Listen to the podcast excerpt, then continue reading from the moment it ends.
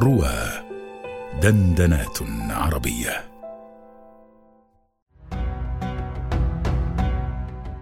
آيات وأبيات مع الأستاذ أبي قيس محمد رشيد على رواه.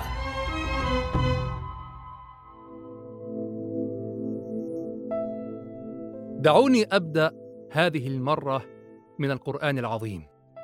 يشتهر قوله تعالى من سورة الإسراء واخفض لهما جناح الذل من الرحمة بما فيها من الاستعارة المعجبة الاستعارة المكنية فهي استعارة مكنية لأن الله تعالى لما ذكر الجناح فإنما استعار لذلك الطائر وكنى عنه بالجناح ذكر شيئا من لوازمه أو من ملحقاته أو من صفاته.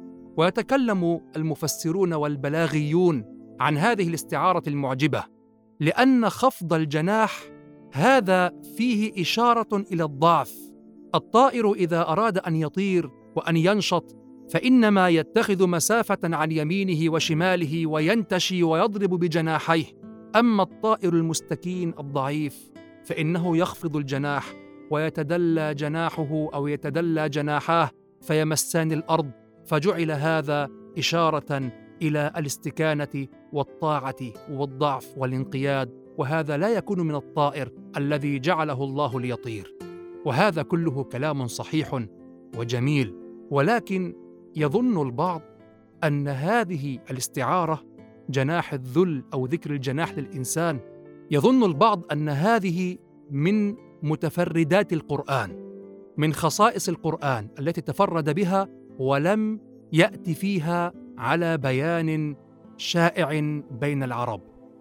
أما الذي يعرف الشعر الجاهلي ويوعب الشعر الجاهلي فإنه يقف على قصيدة خطيرة عظيمة ضادية نادرة للشاعر العربي الجاهلي القديم طرف بن العبد يبدأها بقوله وهذه القصيدة بالمناسبة لها قصة غريبة لأنه أنشدها في سجنه الذي مات فيه وقتل فيه. فيقول متحزنا ألا اعتزليني اليوم خولة أو غضي ألا اعتزليني اليوم خولة أو غضي فقد نزلت حدباء محكمة العض. أزالت فؤادي عن مقر مكانه وأضحى جناحي اليوم ليس بذي نهض. فذكر جناحه وأنه لا ينهض به وأنه ليس بذي نهض. أي أن جناحه لا يمكنه الطيران به فهو منخفض واخفض لهما جناح الذل من الرحمة. فانظر كيف هنا أيضا استعمل القرآن الكريم موروثا في ثقافة العرب الشائعة كما استعمل الحجارة والحديد وكما استعمل البيضة وغير ذلك.